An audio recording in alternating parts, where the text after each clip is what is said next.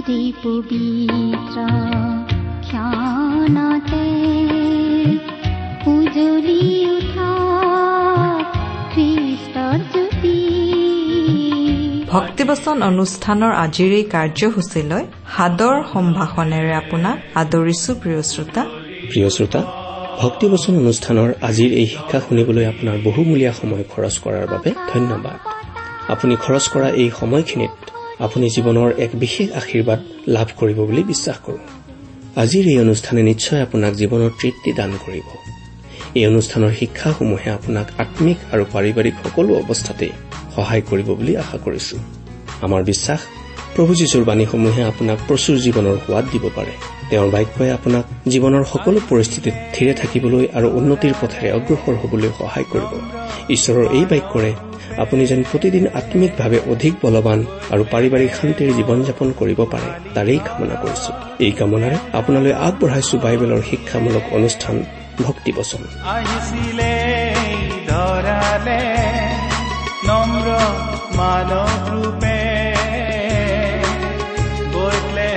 মন গোহালি ঘৰ।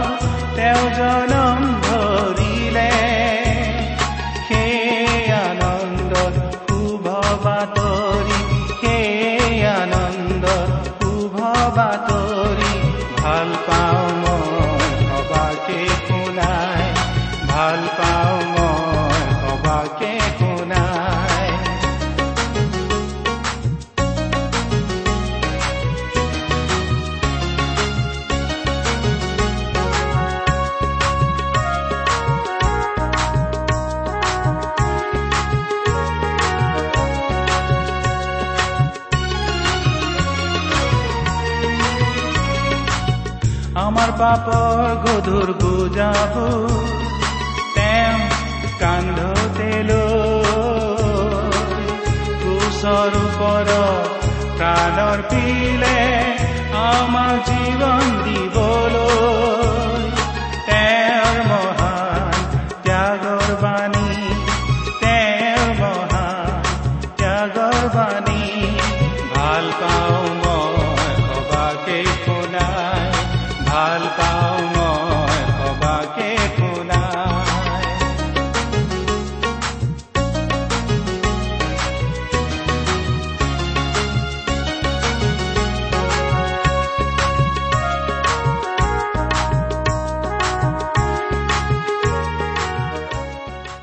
আমাৰ মহান ত্ৰাণকৰ্তা প্ৰভু যীশুখ্ৰীষ্টৰ নামত নমস্কাৰ প্ৰিয় শ্ৰোতা। আশা কৰো আপুনি ভালে কুশলে আছে। প্ৰিয় শ্ৰোতা আপুনি বাৰু আমাৰ এই ভক্তিবচন অনুষ্ঠানটো নিয়মিতভাৱে শুনি আছেনে? এই অনুষ্ঠান সম্বন্ধে আপোনাৰ মতামত আদি জনাই আমালৈ চিঠি পত্ৰ লিখিছেনে বাৰু? অনুগ্ৰহ কৰি আজি এই দুখাৰিমান লিখি পঠিয়াবচোন। আহকচোন আজিৰ বাইবেল অধ্যয়ন আৰম্ভ কৰাৰ আগতে খন্তেক প্ৰাৰ্থনাত মূৰ দুৱাওঁ। আমি প্ৰাৰ্থনা কৰো। স্বৰ্গত থকা অসীম দয়ালু কৰুণাময় পিতা তোমাৰ তুলনা নাই তোমাৰ প্ৰেম তোমাৰ কৰুণা তোমাৰ অনুগ্ৰহৰ কথা আমি বৰ্ণনা কৰি শেষ কৰিব নোৱাৰো। প্ৰভু যীশুৰ যোগেদি তুমি আমালৈ যি অনুগ্ৰহ দেখুৱালা তাৰ বাবে তোমাক অশেষ ধন্যবাদ পিতা। এতিয়া আমি তোমাৰ মহান বাক্য বাইবেল শাস্ত্ৰ অধ্যয়ন কৰিবলৈ আগবাঢ়িছো। তোমাৰ বাক্য তুমিয়েই আমাক বুজাই দিয়া। এই অনুষ্ঠানৰ আৰম্ভণিৰ পৰা শেষলৈকে তুমিয়েই আমাৰ চলাওঁতা হোৱা। অনুষ্ঠান শুনি থকা প্ৰতিজন শ্ৰোতাৰ জীৱনত তোমাৰ মহান অনুগ্ৰহৰ আশীৰ্বাদ প্ৰকাশ পাই উঠিবলৈ দিয়া। কিয়নো এই প্ৰাৰ্থনা আমাৰ মহান ত্ৰাণকৰ্তা প্ৰভু যীশুখ্ৰীষ্টৰ নামত আগবঢ়াইছো। আমেন।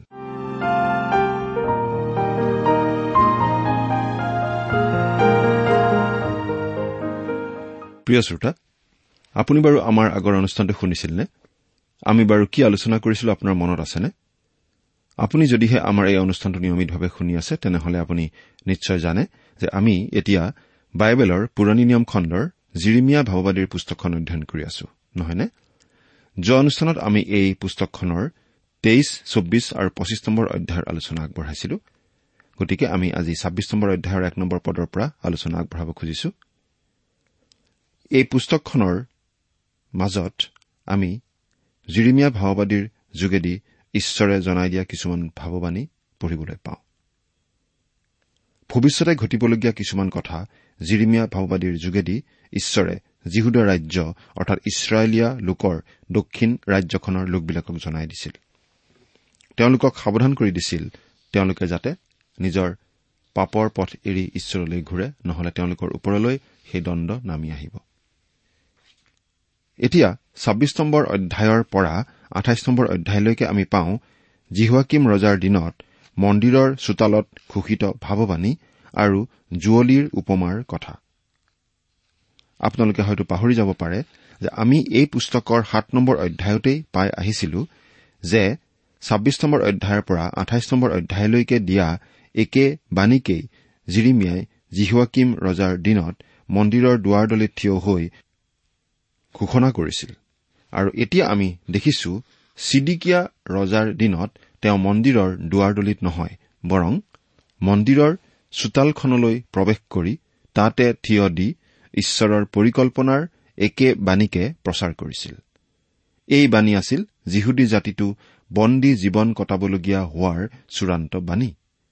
বাহ্যিক ধৰ্ম কৰ্মৰ পালন কৰিবলগীয়া নীতিসমূহ পালন কৰিবলৈ মানুহে দলে দলে জিৰচালেমৰ মন্দিৰলৈ লানি নিচিগাকৈ আহি আছিল।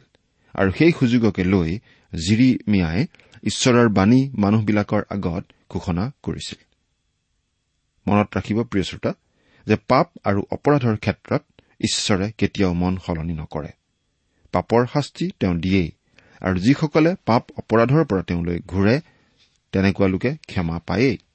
অৰ্থাৎ পাপ কৰা মানেই শাস্তি পোৱা আৰু পাপৰ পৰা মন পালটোৱা মানেই ঈশ্বৰৰ আশীৰ্বাদ লাভ কৰা।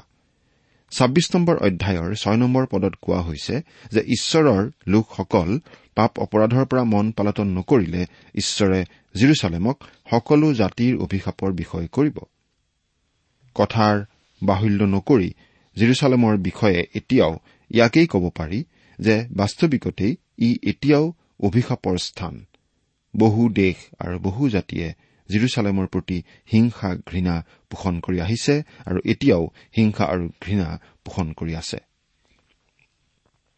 এতিয়া আমি ছাব্বিছ নম্বৰ অধ্যায়ৰ পৰা পাঠ কৰি দিম। ছাব্বিছ নম্বৰ অধ্যায়ৰ আঠ নম্বৰ পদ। আৰু জিৰিমিয়াই সকলো লোকৰ আগত জিহুৱাই আজ্ঞা কৰা সকলো কথা কৈ এটোৱাৰ পাছত পুৰোহিত ভাৱবাদী আৰু আটাই প্ৰজাবিলাকে তেওঁক ধৰি কলে তুমি নিশ্চয় মৰিবা। অৱস্থা বেছি বেয়াহে হৈ আহিছিল। তেওঁলোকে জিৰিমিয়াৰ যোগেদি অহা ঈশ্বৰৰ বাক্যৰ বিৰোধিতা কৰি আহিছিল আৰু এতিয়া তেওঁলোকে জিৰিমিয়াক বধ কৰিব খোজা আমি দেখিবলৈ পাইছো। অৱশ্যে কথাটো যথেষ্ট জটিল হৈ পৰিছিল কাৰণ মানুহবোৰৰ মাজত তিনিটা দল আছিল ৰাজকোঁৱৰসকল ভাৱবাদীসকল আৰু পুৰোহিতসকল। এঘাৰ নম্বৰ পদ। পাছে পুৰোহিত আৰু ভাৱবাদীবিলাকে প্ৰধান লোকবিলাকৰ আৰু আটাই প্ৰজাবিলাকৰ আগত কলে এই মানুহ প্ৰাণদণ্ডৰ যোগ্য কিয়নো ই এই নগৰৰ বিৰুদ্ধে ভাৱবাণী প্ৰচাৰ কৰিলে তাক তোমালোকে নিজ কাণে শুনিলা। পুৰোহিত আৰু ভাৱবাদীসকলৰ মত একে আছিল। তেওঁলোকে জিৰিমিয়াৰ মৃত্যু হোৱাটোকেই বিচাৰিছিল। তেওঁলোকে সেই বিষয়ে মন সলনি কৰা নাছিল। কিন্তু ৰাজকোঁৱৰসকলে সিদ্ধান্ত কৰিছিল যে তেওঁলোকে প্ৰথমতে জিৰিমিয়াৰ মুখৰ পৰা কথাবোৰ শুনা ভাল হ'ব। পুৰোহিত আৰু ভাৱবাদীসকলৰ সৈতে একে মত থকা মানুহবিলাকেও এই ৰাজকোঁৱৰসকলৰ কথাতেই হয় ভৰ দিছিল। বাৰ আৰু তেৰ নম্বৰ পদ। তেতিয়া জিৰিমিয়াই সকলো প্ৰধান লোক আৰু আটাই প্ৰজাৰ আগত কলে এই গৃহ আৰু নগৰৰ বিৰুদ্ধে তোমালোকে শুনা আটাইবোৰ ভাৱবাণী প্ৰচাৰ কৰিবলৈ জিহুৱাইয়েই মোক পঠালে। এই হেতুকে এতিয়া তোমালোকে নিজ নিজ আচৰণ আৰু কৰ্ম শুদ্ধ কৰা আৰু তোমালোকৰ ঈশ্বৰ জিহুৱাৰ বাক্য পালন কৰা। তাতে জিহুৱাই তোমালোকৰ অহিতে কৰিব খোজা অমংগলৰ পৰা থামিব। জিৰিমিয়াই এই কথা অতি পৰিষ্কাৰ কৰি দিছে কিয়নো তেওঁক ঈশ্বৰে জনাই দিবলৈ কৈছে। জিৰিমিয়াই এই কথা পৰিষ্কাৰ কৰিছে কিয় ঈশ্বৰে জিহুদাৰ লোকবিলাকক দণ্ড দিব খুজিছে। আমি এই কথা মনত ৰখা উচিত যে যেতিয়া জিৰিমিয়াই সেই জিৰচালেম নগৰ আৰু তাত থকা মন্দিৰ ধ্বংস কৰা হ'ব বুলি ভাৱবাণী ঘোষণা কৰিছিল সেইটো ঈশ্বৰ নিন্দা বুলি মানুহবিলাকে ধৰিছিল। সেই কথা কোৱা বাবে মানুহবোৰে জিৰিমিয়াক বিশ্বাসহীন লোক বুলি কৈছিল। ভুৱা ভাৱবাদীবিলাকে কৈ আছিল যে ঈশ্বৰে তেওঁৰ মন্দিৰ ধ্বংস হবলৈ কেতিয়াও নিদিয়ে। এইটো তেওঁৰ মন্দিৰ জিৰচালেম তেওঁৰ নগৰ। গতিকে ঈশ্বৰে তেনে ঘটিবলৈ নিদিয়ে। জিৰিমিয়াই কৈছিল তোমালোকৰ কথা ভুল। তোমালোকে ধৰ্মক নৈতিকতাৰ পৰা পৃথক কৰিছা। বহুতো মৌলবাদী মানুহৰ এইটোৱেই সমস্যা। এনেকুৱা মানুহে ঈশ্বৰৰ বাক্যক শিকলিৰ নিচিনাকৈ ব্যৱহাৰ কৰে। কিন্তু আমি আমাৰ বিশ্বাসৰ পৰা নৈতিকতা বাদ দিব নোৱাৰো। দিয়া উচিত নহয়। ধৰ্ম বিশ্বাস কেৱল এটা সৌভাগ্য অনা তাবিজৰ নিচিনা হ'ব নালাগে। প্ৰিয় শ্ৰোতা আমি আমাৰ জীৱন ধাৰণৰ প্ৰণালী ঈশ্বৰৰ বাক্যৰ পৰা পৃথক কৰি যদি ঈশ্বৰৰ বাক্য ঘোষণা কৰো তেনেহলে আমি একো আশীৰ্বাদ আশা কৰিব নোৱাৰো। আমাৰ ধাৰ্মিকতাত নৈতিকতা থাকিবই লাগিব। আমাৰ ধৰ্ম বিশ্বাসত নৈতিকতা লাগিবই। আমাৰ বিশ্বাস শুদ্ধ হ'ব পাৰে। আমি শুদ্ধ তত্ব বিশ্বাস কৰিব পাৰো কিন্তু আমাৰ কাম কাজ শুদ্ধ হ'ব লাগিব। বহুতে ভাবে মই বিশ্বাসত শুদ্ধ বাইবেলত থকা কথাই বিশ্বাস কৰো। গতিকে মোৰ একো হানি হ'ব নোৱাৰে। সেই ভুৱা ভাৱবাদীবোৰেও তেনেকৈয়ে ভাবিছিল। কিন্তু আমি নিজকে প্ৰশ্ন কৰা উচিত। মোৰ বিশ্বাস শুদ্ধ আৰু সঠিক ভাল কথা। কিন্তু মোৰ জীৱনটো শুদ্ধনে? মই নৈতিকতাপূৰ্ণ জীৱন যাপন কৰি আছোনে? আমি নিজকে শুদ্ধ বিশ্বাসী বুলি কৈ যদি ঈশ্বৰৰ অবাধ্য হৈ চলো আমালৈ ঈশ্বৰৰ দণ্ড আহিব। সেই পুৰোহিত আৰু ভাৱবাদীসকলে জিৰিমিয়াক বধ কৰিবলৈ সিদ্ধান্ত কৰিছিল। সেই সিদ্ধান্ত সলনি কৰা নাছিল। কিন্তু ৰাজকোঁৱৰসকলে মন সলনি কৰিছিল। সেইবাবেই জিৰিমিয়াৰ জীৱন ৰক্ষা পৰিছিল। ৰাজকোঁৱৰসকলে জিৰিমিয়াৰ মুখৰ পৰা কথাখিনি শুনিব বিচাৰিছিল। আচলতে সমাজৰ আন আন নেতাসকল বেয়া হলে যিমান বেয়া হয় ধৰ্মীয় নেতাসকল বেয়া হলে বেছি বেয়া হয় বেছি ক্ষতিকাৰক হয়। সেই শিক্ষাটো আমি ইয়াতে পাওঁ। প্ৰভু যীশুক ক্ৰুচত দিবলৈ জোৰ কৰিছিল ধৰ্মীয় নেতাসকলেহে। পিলাতে কিন্তু যীশুৰ গাত একো দুখ দেখা পোৱা নাছিল। জিৰিমিয়াৰ দিনতো ধৰ্মীয় নেতাসকলেই জিৰিমিয়াক বধ কৰিব খুজিছিল। আমি প্ৰায়েই ভাবো সংখ্যাগৰিষ্ঠ লোকে যি কয় যি বিশ্বাস কৰে সেয়েই সঁচা বা গ্ৰহণযোগ্য।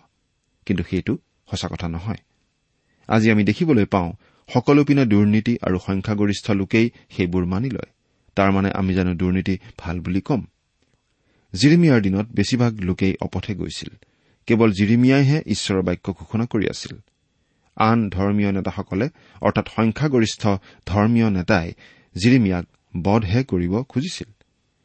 অৰ্থাৎ সংখ্যাগৰিষ্ঠ লোক ঈশ্বৰৰ বাক্যৰ বিৰোধী আছিল।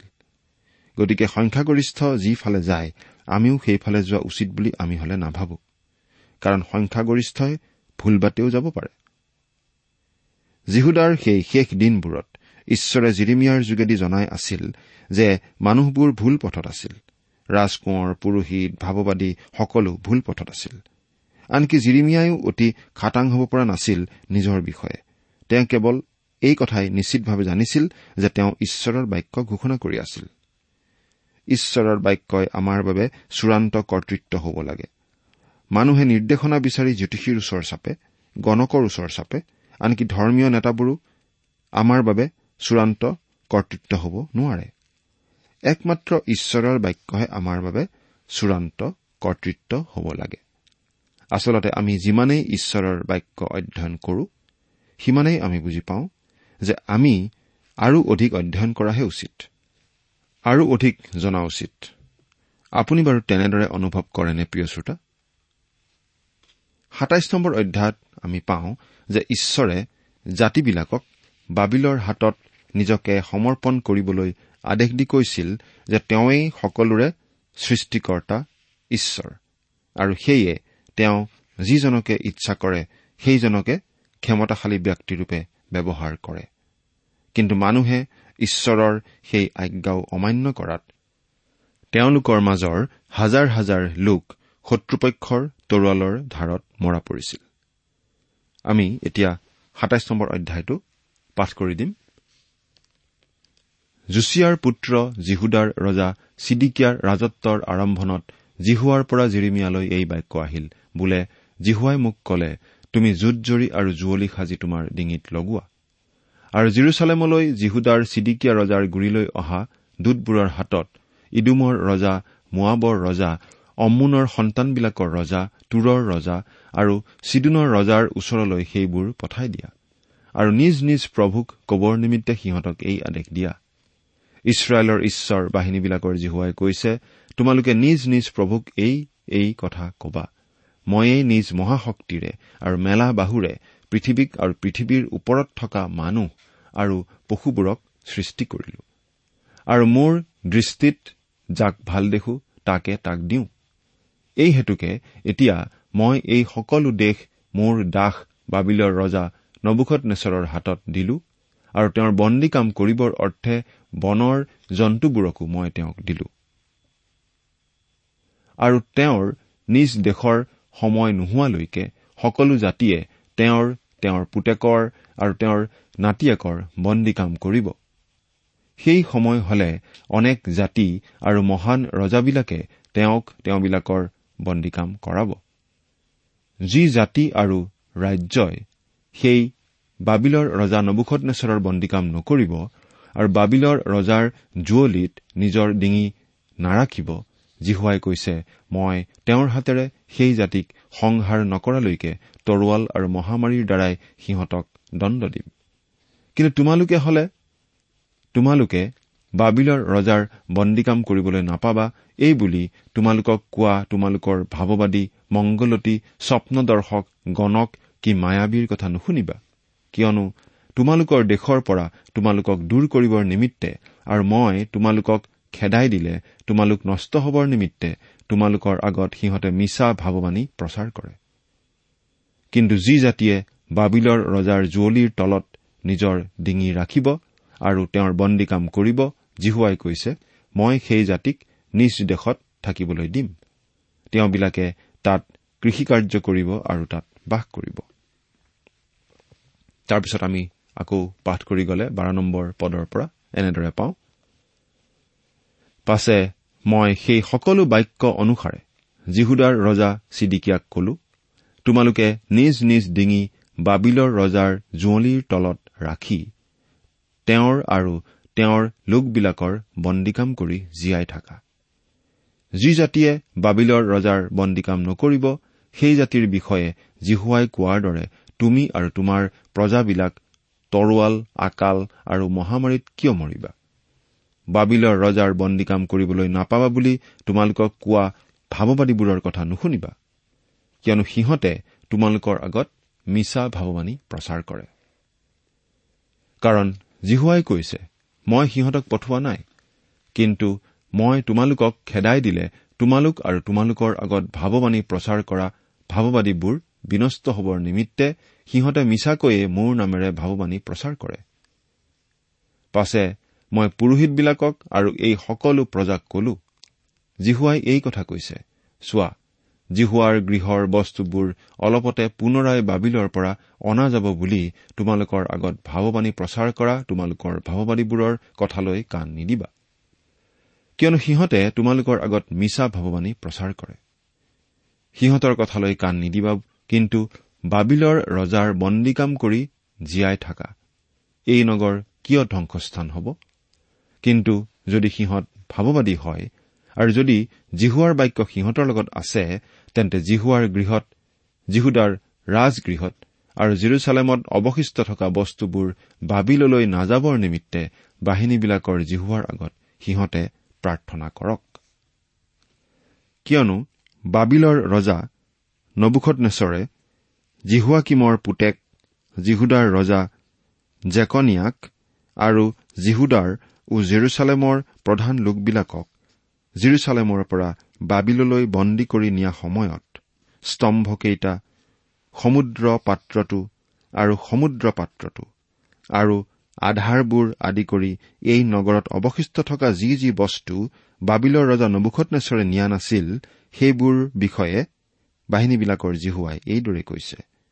এনেকি জিহুৱাৰ গৃহত জিহুদাৰ ৰাজগৃহত আৰু জিৰচালেমত অৱশিষ্ট থকা সেই বস্তুবোৰৰ বিষয়ে ইছৰাইলৰ ঈশ্বৰ বাহিনীবিলাকৰ জিহুৱাই এইদৰে কৈছে সেই সকলোকে বাবিললৈ নিয়া হ'ব আৰু মই সেইবোৰৰ বিচাৰ নকৰা দিনলৈকে সেইবোৰ সেই ঠাইতে থাকিব ইয়াকে জিহুৱাই কৈছে। সেইদিন উপস্থিত হলে মই সেইবোৰ আনি এই ঠাইত পুনৰাই স্থাপন কৰিম। মুঠতে ঈশ্বৰে স্পষ্টকৈ জনাই দিছে যে নবুখনেশ্বৰ ৰজাই জিৰচালেম আক্ৰমণ কৰিব জিৰচালেম লুটপাত কৰিব জিৰচালেম ধ্বংস কৰিব। আঠাইছ নম্বৰ অধ্যায়ত আছে হননীয়া নামৰ ভুৱা ভাৱবাদীৰ কথা। এই আঠাইছ নম্বৰ অধ্যায়টোত জুৱলীৰ যি উপমা তাক অব্যাহত ৰখা হৈছে। হননীয়াই জিৰিমিয়াৰ ভাৱবাণী মিছা বুলি কৈ প্ৰতিবাদ কৰিছিল আৰু নিজকে ঈশ্বৰৰ সত্য বাণী প্ৰচাৰ কৰোতা ভাৱবাদী বুলি কৈছিল। তেওঁ প্ৰতিবাদ কৰি জিৰিমিয়াৰ কান্ধৰ পৰা কাঠৰ জুৱলিখন লৈ ভাঙি কৈছিল যে তেওঁ জিৰিমিয়াৰ কান্ধৰ জুৱলিখন ভাঙি পেলোৱাৰ দৰেই বাবিলৰ নবুখত নেচৰৰ জুৱলিখনকো ঈশ্বৰ জিহুৱাই ভাঙি পেলাব বুলি ঈশ্বৰ জিহুৱাইয়ে হেনো তেওঁক কৈছিল। কিন্তু আচলতে সেই হননীয়াই বৰ মিছা কথা কৈছিল। সেয়ে মিছা ভাৱবাণী প্ৰচাৰ কৰি ঈশ্বৰৰ বদনাম কৰাৰ কাৰণে ঈশ্বৰে তেওঁৰ দাস জিৰিমিয়াৰ যোগেদি সেই ভুৱা ভাৱবাদী হননীয়াক জনাইছিল যে সেই বছৰটোৰ ভিতৰতে তেওঁ মৃত্যুৰ মুখত পৰিব। আৰু সঁচাকৈয়ে সেই বছৰতেই হননীয়াৰ মৃত্যু হৈছিল। মিছা কথা প্ৰচাৰ কৰি ঈশ্বৰৰ বদনাম কৰাৰ পৰিণাম বৰ ভয়াৱহ। এই কথা আমি মনত ৰখা উচিত আৰু আমি সাৱধান হোৱা উচিত। যি কি নহওক আমি এতিয়া এই আঠাইছ নম্বৰ অধ্যায়টোৰ পদকেইটা পাঠ কৰি দিব খুজিছো। পাছে সেই বছৰত জিহুদাৰ ৰজা চিডিকিয়াৰ ৰাজত্বৰ আৰম্ভণত চতুৰ্থ বছৰৰ পঞ্চম মাহত জিহুৱাৰ গৃহত পুৰোহিত আৰু সকলো প্ৰজাৰ আগত গিবিউন নিবাসী অজ্জুৰৰ পুত্ৰ হননীয়া ভাৱবাদীয়ে মোক এই কথা কলে। ইছৰাইলৰ ঈশ্বৰ বাহিনীবিলাকৰ জিহুৱাই এইদৰে কৈছে মই বাবিলৰ ৰজাৰ জুৱলি ভাঙিলো। এই ঠাইৰ পৰা বাবিলৰ ৰজা নবুখত নেচৰে বাবিললৈ লৈ যোৱা জিহুৱাৰ গৃহৰ সকলো বস্তু সম্পূৰ্ণ দুই বছৰৰ ভিতৰত মই পুনৰাই এই ঠাইলৈ আনিম। আৰু জিহুৱাই কৈছে মই জিহুৱাকিমৰ পুত্ৰ জিহুদাৰ ৰজা জেকনিয়াক বাবিললৈ বন্দী কৰি নিয়া জিহুদাৰ আটাইবিলাকে সৈতে এই ঠাইলৈ পুনৰাই আনিম কিয়নো মই বাবিলৰ ৰজাৰ জুৱলি ভাঙিম। তেতিয়া জিৰিমিয়া ভাৱবাদীয়ে জিহুৱাৰ গৃহত থিয় হৈ থকা পুৰোহিত আৰু প্ৰজাবিলাকৰ আগত হননীয়া ভাৱবাদীক কথা কলে। জিৰিমিয়া ভাৱবাদীয়ে এই কথা কলে আমেন। জিহুৱাই তাকেই কৰক। বাবিলৰ পৰা এই ঠাইলৈ জিহুৱাৰ গৃহৰ বস্তুবোৰ আৰু দেশান্তৰিত হোৱা আটাইকে পুনৰাই আনিব বুলি তুমি প্ৰচাৰ কৰা এই ভাৱবাণীবোৰ জিহুৱাই সিদ্ধ কৰক। তথাপি তোমাৰ কাণত আৰু আটাই প্ৰজাৰ কাণত এই যি কথা মই কওঁ তাক শুনা। মোৰ আৰু তোমাৰ আগেয়ে যি প্ৰাচীন ভাৱবাদীবিলাক আছিল তেওঁবিলাকে অনেক অনেক দেশ আৰু মহৎ মহৎ ৰাজ্যৰ বিৰুদ্ধে যুদ্ধ অমংগল আৰু মহামাৰী হ'ব বুলি ভাৱবাণী প্ৰচাৰ কৰিছিল। যি ভাৱবাদীয়ে শান্তি হ'ব বুলি ভাৱবাণী প্ৰচাৰ কৰে সেই ভাৱবাদীৰ বাক্য ফলিয়ালেহে জিহুৱাই সঁচাকৈ তেওঁক পঠোৱা হয় বুলি জনা যাব। পাছে হননীয়া ভাৱবাদীয়ে জিৰিমিয়া ভাৱবাদীৰ ডিঙিৰ পৰা জুৱলিখন শুলুকাই ভাঙি পেলালে আৰু হননীয়াই আটাই প্ৰজাৰ সাক্ষাতে কলে জিহুৱাই এই কথা কৈছে সম্পূৰ্ণ দুই বছৰৰ ভিতৰত মই বাবিলৰ ৰজা নবুখত নেচৰৰ জুৱলি এইদৰেই ভাঙি আটাই জাতিৰ ডিঙিৰ পৰা গুচাম। তাতে জিৰিমিয়া ভাৱবাদী নিজ বাটে গুচি গ'ল। পাছে হননীয়া ভাৱবাদীয়ে জিৰিমিয়া ভাৱবাদীৰ ডিঙিৰ পৰা জুৱলিখন ভাঙি গুচোৱাৰ পাছত জিহুৱাৰ বাক্য জিৰিমিয়ালৈ আহিল বোলে তুমি গৈ হননীয়াক কোৱা। জিহুৱাই এই কথা কৈছে তুমি কাঠৰ জুৱলি ভাঙিলা হয় কিন্তু তাৰ সলনি লোহাৰ জুৱলি যুগুত কৰিব লাগে। কিয়নো ইছৰাইলৰ ঈশ্বৰ বাহিনীবিলাকৰ জিহুৱাই এই কথা কৈছে বাবিলৰ নবুখত নেচৰ ৰজাৰ বন্দী কাম কৰিবলৈ মই আটাইবিলাক জাতিৰ ডিঙিত লোহাৰ জুৱলি লগালো। তাতে তেওঁবিলাকে তেওঁৰ বন্দী কাম কৰিব আৰু মই বনৰ জন্তুবোৰকো তেওঁক দিলো। পাছে জিৰিমিয়া ভাৱবাদীয়ে হননীয়া ভাৱবাদীক কলে হে হননীয়া শুনা জিহুৱাই তোমাক পঠোৱা নাই কিন্তু তুমি এই লোকবিলাকক মিছা কথাতে বিশ্বাস কৰাইছা। এই হেতুকে জিহুৱাই এই কথা কৈছে চোৱা মই তোমাক পৃথিৱীৰ পৰা দূৰ কৰি নিম। তুমি এই বছৰৰ ভিতৰতে মৰিবা কাৰণ তুমি জিহুৱাৰ বিৰুদ্ধে বিদ্ৰোহৰ কথা কলা। পাছে হননীয়া ভাৱবাদী সেই বছৰৰ সপ্তম মাহত মৰিল। সেই হননীয়াৰ সঁচাকৈ মৃত্যু হৈছিল ঈশ্বৰে জনাই দিয়াৰ নিচিনাকৈয়ে। আপুনি হয়তো ভাবিব পাৰে যে তাকে দেখি কিজানি মানুহবোৰে কব চোৱা জিৰিমিয়াৰ কথামতেই সকলো ঘটি আছে জিৰিমিয়াইহে আমাক ঈশ্বৰৰ বাক্য জনাই আছে।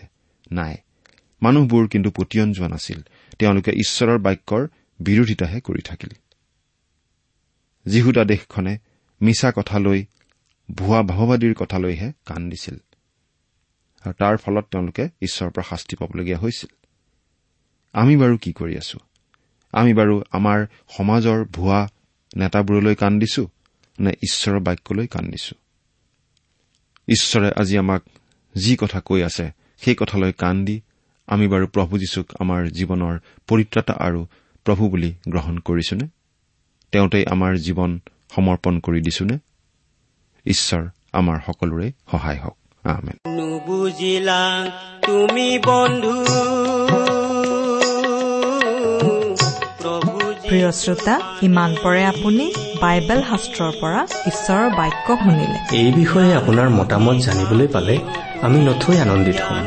আমি প্ৰস্তুত কৰা বাইবেল অধ্যয়নৰ চিডিসমূহ পাব বিচাৰিলে আৰু অনুষ্ঠানত প্ৰচাৰ কৰা কোনো কথা বুজিব লগা থাকিলেও আমালৈ লিখক।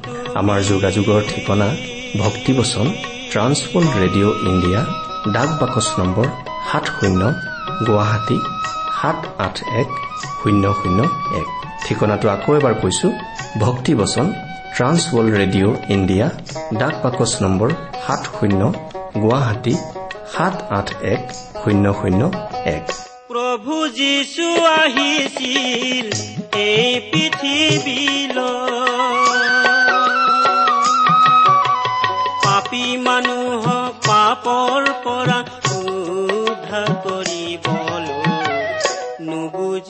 আমাৰ ইমেইল এড্ৰেছটো হৈছে Assamese T TV at the rate radio' eight eight two dot com আমাৰ website W W W dot T W R dot in আপুনি টেলিফোনৰ মাধ্যমেৰেও আমাক যোগাযোগ কৰিব পাৰে। আমাৰ টেলিফোন নম্বৰটো হৈছে nine eight five four zero' four zero' eight eight nine phone নম্বৰটো আকৌ এবাৰ কৈছো ন আঠ পাঁচ চাৰি শূন্য চাৰি শূন্য আঠ আঠ ন। আপুনি এই ভক্তিবচন অনুষ্ঠানটি আমাৰ website W W W dot radio' eight eight two dot কমতো শুনিব পাৰিব। আজিৰ অনুষ্ঠানটি ইমানতেই সামৰিছো। ঈশ্বৰৰ শান্তি আৰু অনুগ্ৰহ আপোনাৰ লগত থাকক। ধন্যবাদ। বন্ধু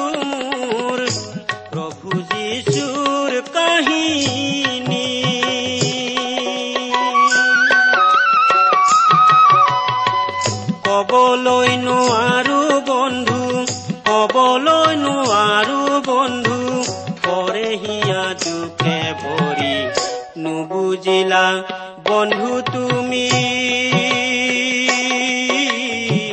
প্ৰভু যীশুৰ বাণী। জ্ঞান বুদ্ধি থাকিও তুমি জ্ঞান বুদ্ধি থাকিও তুমি হলায় জ্ঞানী হে। নুবুজিলা বন্ধু তুমি।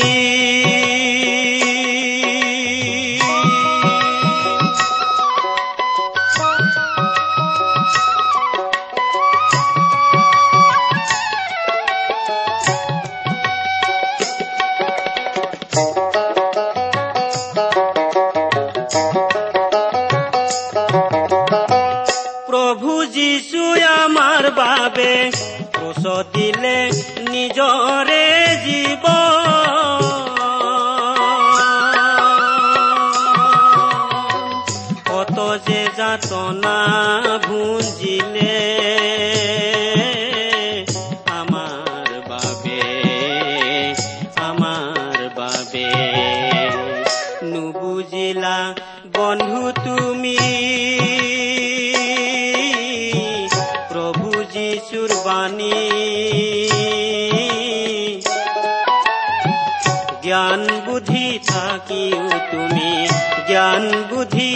থাকিও তুমি হলায় জ্ঞানী হে। নুবুজিলা বন্ধু তুমি। নুবুজিলা